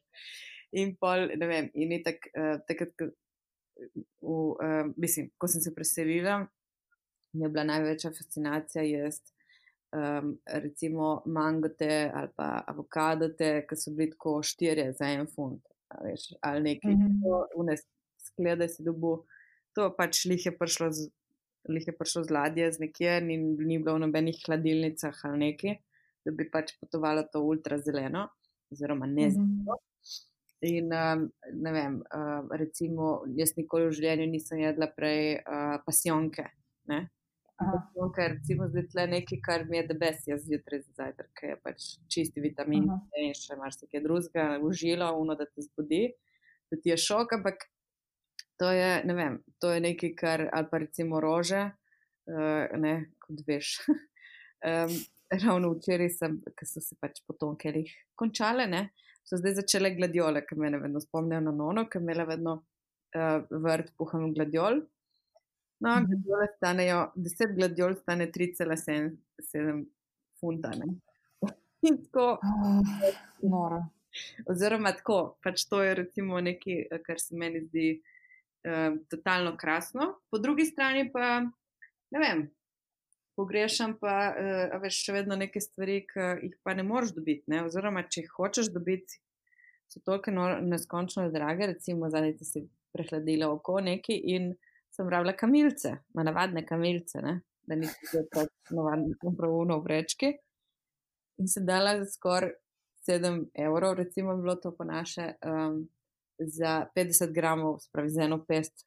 Uh, uh, kamilc, ne, svežih domačih. Ja, To je to, kar zdaj razlagaš, kako je lahko mango, pasionka, avokado, pa to neki ful poceni ali pa rože, ne? ampak pa imaš pa neke take ekstreme, ki se jaz spomnim, tudi ko sem figo videla na Borough Marketu januarja in je bila ena figa, en funt in sem si mislila, da ja. ne, ne boš, ne, pač ne, ne. Ja, ja, to so te fascinantni, fascinantne stvari, ki se tam dogajajo. Čeprav moram reči, da sem bila jaz septembra, ko sem bila pri tebi na obisku, ful presenečena, ker se mi London ni zdel tako drag, kot mi je bil takrat, ko sem gor živela. Kar je, vre, kar je vedno, vedno drugače, ko gor živiš ali pa v nekem mestu živiš in služiš tam denara. Um, Sam meni se, naprimer, določene stvari. So mi bile bistveno dražje 13 let nazaj, kot naprimer zdaj. Ne? No, če, če obrnemo zdaj to na začetek uh, in, in uh, rečemo isto stvar, kot smo rekli prej za vreme, ne? Uh -huh. uh, pravi, je to nek mit, hrana v Londonu je draga. Mislim, je draga, če pač ješ zunaj, oziroma če uh -huh.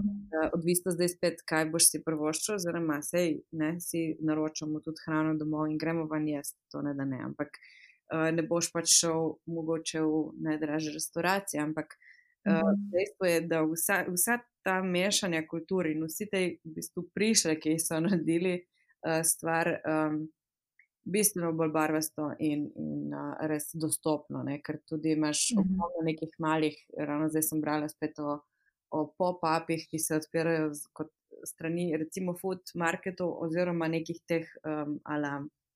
Uh, veš, kaj so zdaj te neke popularne, te uh, kokarene prikolce, ki imajo pač nekaj. Aha, trucks pa ti fore, ja. Um, no, da koliko je tudi te, te hrane zdaj vedno več. Um, uh -huh. Recimo tukaj je zdaj, seveda, pač spet aplauz uh, županu, ne, ki v bistvu te stvari ful podpira. Ne. In um, uh -huh ne vem, jaz sem recimo bolj presenečena, ko pridem domov grem vem, v Ljubljani na kosilo ne, in vidim, koliko to stane v Ljubljani in mi je tako, čakaj sem malo. Ne, ne Ljubljana je full draga, tako, to, no, to je nerealno. Ja. Da, je, da je standard tle, ne bom rekel, višji, ampak da v bistvu lahko več zaslužiš in ne, imaš denarja in tako. Seveda, mm. več. Uh, uh, Ja, je tudi dražje, ja, valjda, valjda. Ampak uh, v vsakem primeru, glede na standard Slovenije, se mi zdi tako totalno pač precenjeno marsikaj. In, mm -hmm. Jaz nimam problema, recimo, nikoli z tem, da dam nekomu, ki je sam prideno hrano ali pa nekdo, ki je, ne vem, z dizajnerjem obleko, to, to se mi zdi pač rajši dam tem ljudem, pač ti zaslužek, ki bi ga drugače po, pač pobrala, recimo, neka trgovina, neka veriga. Mm -hmm. Kot to, da pa pol grem in še imam, recimo, strašno slabo postrežbo ali servis. Uh mhm. -huh. Tle se mi zdi, da še vedno se dosti um, pozna na tem, da vsak, mislim, da to je zdaj tako dvorezen meč, ne? ampak da uh, tle je zdaj ta malo v, uh, v koreninah tega, uh, te angliške prijaznosti, stoji za tem, um, da moraš biti prijazen. Ne? Da ti nice je ena izmed uh, vedno uh, zelo glasnih sloganov, kjer jih lahko srečeš posod na katerem koli koraku, kjer nekje, nekje to piše. Ker v bistvu um, se uh, tako, tudi ko sem se pogovarjala z drugimi tujci, ne pač uh, in rečejo, da nikoli ne veš, kaj un človek um, nosi na svojih ramenih. Ne? In uh -huh. kaj je njegovo breme. Torej, pač be nice in uh, ne otežujmo dneva s tem, da si pač ti zdaj zelo zopren ali slabe volje ali nekaj. Ne. Se je tolkrat, kot ti v enem dnevu, naprimer po londonskih ulicah, ko se sprehajaš, sliš, slišiš, da se ti nekdo upraviči, tudi ko naprimer, se zgodi, da se ti v njega zaletiš, ne? se ti človek upraviči, ne? je v bistvu ful zanimivo. Mene je to, mene, ko sem res prvič v Londonu, me je to totalno presenetilo točno ta vljudnost, prijaznost, pa odprtost za komunikacijo. Uh, sem si mislila vedno, da naprimer Ljubljana, ki je majhno mesto, se bi mi vedno prej zdelo, da bi bili ljudje v majhnem mestu bolj prijazni, kot naprimer v velikem mestu, kjer je tega. Ker je teh um, šumov in, in norišnice toliko veliko, da se pač mora vsak znajti, ne pa pride do nečesa svojega, ampak je dejansko tukaj fulna glava obrnjena. Ne. V Ljubljani te nekdo nadre, ki se tebe zaletine. Uh. Večinoma, ne zdaj vedno, ne zdaj posplošujem. Ne? Ampak v Londonu se meni, naprimer, v pol leta, ko sem tam živela, nikoli ni zgodilo, da bi me nekdo kaj grdo pogledal ja. ali pa karkoli. Tle je tako več stvari. Ne? Ena stvar je recimo varnost. Uh, prototip oziroma uh, um, to, kar bojo vsi rekli, jo je London je nevaren, ne, vele mesto je vedno nevarno. Sveda, da je nevarno, če greš ti v predele, ki so nevarni, oziroma kjer ljudje, ljudje taki živijo ali delujejo ali kakorkoli. Um, jaz spet trkam na les, ne, um, da um, se mi noč zaenkrat ni zgodilo v tem času. Mi je bil pa recimo zanimiv pogovor z enim gospodom, ki je uh, v tvojem British muzeu uh, varnostnik že ne vem, koliko je rekel, 35 let, nekaj tasga. Uh, namreč srečali smo se na vlaku uh, z eno mojo kolegico Hrvatico, smo se pogovarjali, ravno je bilo to po uh, tekmi Anglija-Hrvaška in, uh -huh. uh, in je rekel, uh, kao, uh, uprosti, če, če smem zmotiti, ampak a ste slučajno Hrvatica, ne? In pa smo imeli tak. In on je začel, Luka Modrič, neki, ne? In pa se ga, no, jaz nisem, nisem uh, Hrvatica, sem Slovenka. O, oh, ja, Luka Dončić, v glavnem, v glavnem uh, šport je vedno univerzalen jezik. No, ampak potem so uh, Kristina izstopila, mi da se pa še naprej peljala in so se ravno o tem pogovarjali, razlagali mu zgodbo, o, ki so jo tudi tebi povedali, kako sem jaz prvič prišla in so mi zlomili um, na letališču eno kolo od, uh, od kočka. Imela sem dva kočka, velika, 20-30 kilska. In potem, seveda, ker sem prišla pač na Stratford, uh, zato da pač grem še na zadnji vlak do doma, bila itak super ihtasta in kočki so bili težki in sem pol in liftni delo in so bilo treba narediti, ne vem, 20 stopnic na Stratfordski postaji. Um, in uh, sem spustila en koček in enega sem ne, na ihto odvlekla čez in sem se obrnila in je že en gospod pač uh, mi prinesel koček za mano, nisem nekaj slišala. In, uh -huh. in se, uh, ne, seveda sem ostala presenečena. In je rekel, uh, sorry, I miss, uh, uh, I, I thought you need help. In, uh -huh. in meni se je v tistem trenutku, jaz nisem vedela, da bom začela jokati, da bom začela, jaz sem se začela zahvaljevati, itak tako je prva stvar, ki imam denarnico, da mu pač dam neko napitnino ali nekaj, ker je bilo to tako, uh -huh. pač, to je ta sistem, ki ga imamo mi od doma. Ne?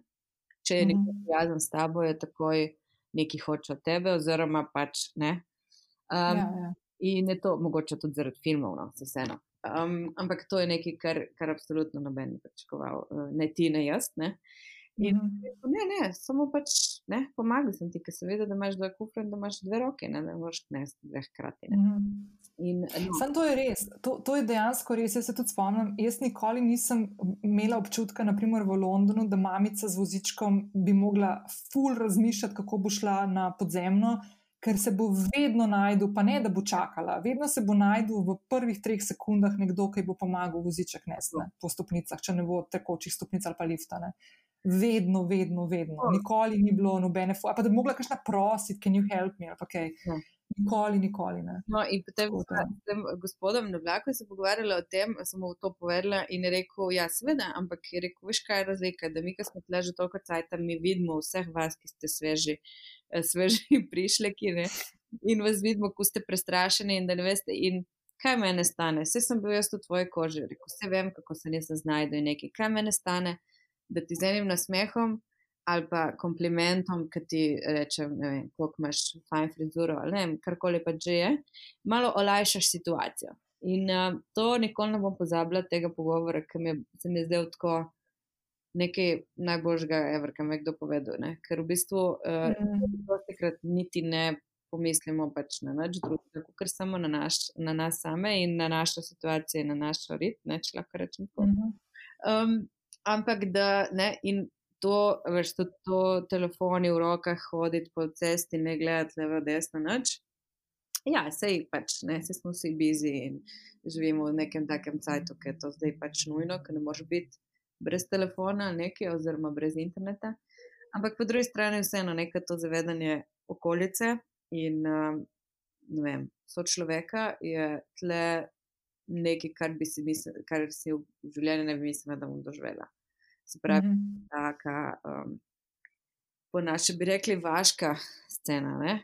Ker v bistvu ja, ja, ja. Se res je. Imaš občutek enega um, objema, ne? pa je to, kar je tujci, noč ti neče, noč ti ne bo. Ne. Ja, ja, ja. Ne, tle je fuleni takih stvari, že uno. Jaz, mene so nadrli, ko sem prvič v Londonu, ko se je ena blagajna odprla in sem jaz iz zadnji z vrste letela, da bom prva tam in me je una obrnila okrog, pa je rekla, no, you have to queue. sem se počutila, kot največji. Ne bom rekla, kaj, ampak res tako, tako, za tako neotesan, ko sem si mislila, o moj bog, ne morem verjeti. Balkan, res Balkan sem, evo. Tako, pač, ja. Ja. Imaš kaj. Ja, ok, Ana, dej, za, za konec, veš, kaj me zanima. Da mi malo povej, kakšno, kakšno knjigo ali pa film, serijo, podcast, ki ta zdaj, ki ti spremljaš, pa ki se ti zdi, da bi tudi kakšni poslušalki mogoče prav prišlo. Joj, lih sem včeraj končala uh, Homecoming z Julijo okay. ki, ki je tudi uh, glavna producentka in to je neka serija mislim, da vse skupaj, obe sezoni imata mislim, da 17 uh, epizod, vse skupaj, tako da ni neka dolga. Kje pa si gledala to? Na Amazonu. Aha, ok. Cool. V glavnem, um, in je ena taka stvar, ki ima dosta stvari, da za misel, tako bom rekla, ne bom več povedala. ne glede na to, da je to v Ameriki in to, ampak tudi z temi situacijami, ki se trenutno dogajajo, vemo, da te stvari niso več tako daleč in uh, Amerika je čez morje, ne, ampak je vse skupaj uh, se vedno bolj. Vse prihaja k nam, ja. Vse prihaja k nam in vse se prepleta, neč da bi hoteli koga strašiti, ampak uh, je to um, sigurno nekaj, kar je. Um, ne, um, tako, za pogled.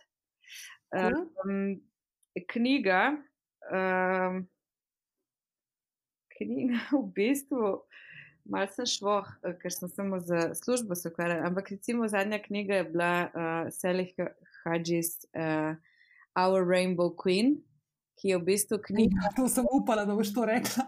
Uh, ja. Ne, ker pač ne te poljudne literature jih nimam, uh, ampak v glavnem uh, Our Rainbow Queen je pač knjiga o Eh, kraljici, eh, kako se eh, njenemu stilu in oblačenja in ne vem, vseh barvah, ki jih je nosila. No. Kraljici, govorimo o aktualni kraljici Elizabeti II. Ja. In o njenih klubučkih in stylingu, ki je vedno ja. barven. Ja, ja, cool. tem, kako lahko daš barve na se in, in pač pičeš, da ni noč. to, uh, muzika, um, um, Boštjan Gombač in Big Band RTV Slovenija. Uh, Lucundus, Plata, ne vem. Sicer mislim, da je ali lanska ali predlanska, ne me zdaj biti, pa če sem vas zdaj odkrila. In sem čist fascinirana, kako um, mislim, res bo velika, velika zguba, če bojo RTV. Uh, big band in simfonike razpustili. Ma ne bojo, Ana, da ne bo. Srce me boli že zdaj. Ampak... Ja, vem, ne bojo, to bo šlo. Vem, ok, cool. dobra, dobra slovenska muska, dobra slovenska produkcija. Um, to, kaj še? Pa, ja ne vem, pa se si kar povedala. Knjiga, podcast, film, serija, pa to je vse v redu. Musko si dodala sama, čeprav te nisem vprašala. Knjiga, mogoče še uh, hiša Ivana Džilas fantastična knjiga, ki mora vsak prebrati. Ok. Hadži so bolj slike, to ni za brati. Aha, ok. Ampak slika je pa. Ok, da jim poveš, kje te lahko poslušalke najdejo, uh, drage moje, predvsem na Instagramu, jte pogledat, ker ona tam redno objavlja uh, vse tiste vrtnice uh, v Hyde, Hyde Parku ali pa Regents Parku, pa uh, Fulkart objavi tudi kakšne stvari, kako dela šminke. Tako da imaš dva profila, a ne? Imam dva profila, en je Ana Lazovski, je ta z rožami in z barvami in z vsem, kar, kar nas fascinira okoli, okoli sebe, um, kaj zaznavam in kaj mene, kaj mene v bistvu fascinira. No, uh, potem je lazovski.uk za klubuke, zdaj se mhm. odpira ravno še Etsy shop v naslednjih dneh, tako da um, bomo to vse objavili. In um, če pridete in sledite, um, bom vesela kakršnega koli komentarja. Ja, pejte pozdraviti, ker vem, da tudi kaj pogreša Slovenijo. No? Čeprav, se, čeprav sem ima ful dobro v Londonu, ampak sem pa tja tako ful pogreša tudi malo Slovenijo. Ne, ne? Zelo. No. Ej, Ana, ful ti hvala, jaz ko mi čakam, da te spet objamem in upam, da bo to rajš prej, kot kasneje, tako da ko mi čakam. In um, ne vem, no, kaj ne ti rečem, ful hvala za vse, pa ful hvala, ker si moja ful dobra prijateljica. Oh, hvala za vabilo. Jaz upam, da ste se imeli fajn z nama, to uro in pol, oziroma kasneje prišli uh, ali prej odšli.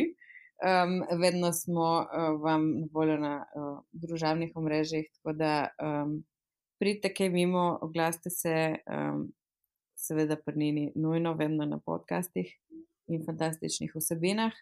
Pri meni po barve in, in na svete o barvah ali če vrkoli tako, kar ste danes slišali. In uh, ja, pol mi je bilo fajn in jaz tudi vas pogrešam vseh. In, no. Bajdo je, Ana, lahko vprašate na DM-ju, na Instagramu, um, kje se dobi najboljši gin tonik v Londonu, pa te fore to, ono vse vlada, pa, pa mi povejte, da vam je odgovorila. A prav, okay. tako da to je to. To že je. Ok, ajde, babe, lepo bodi. Uživajte.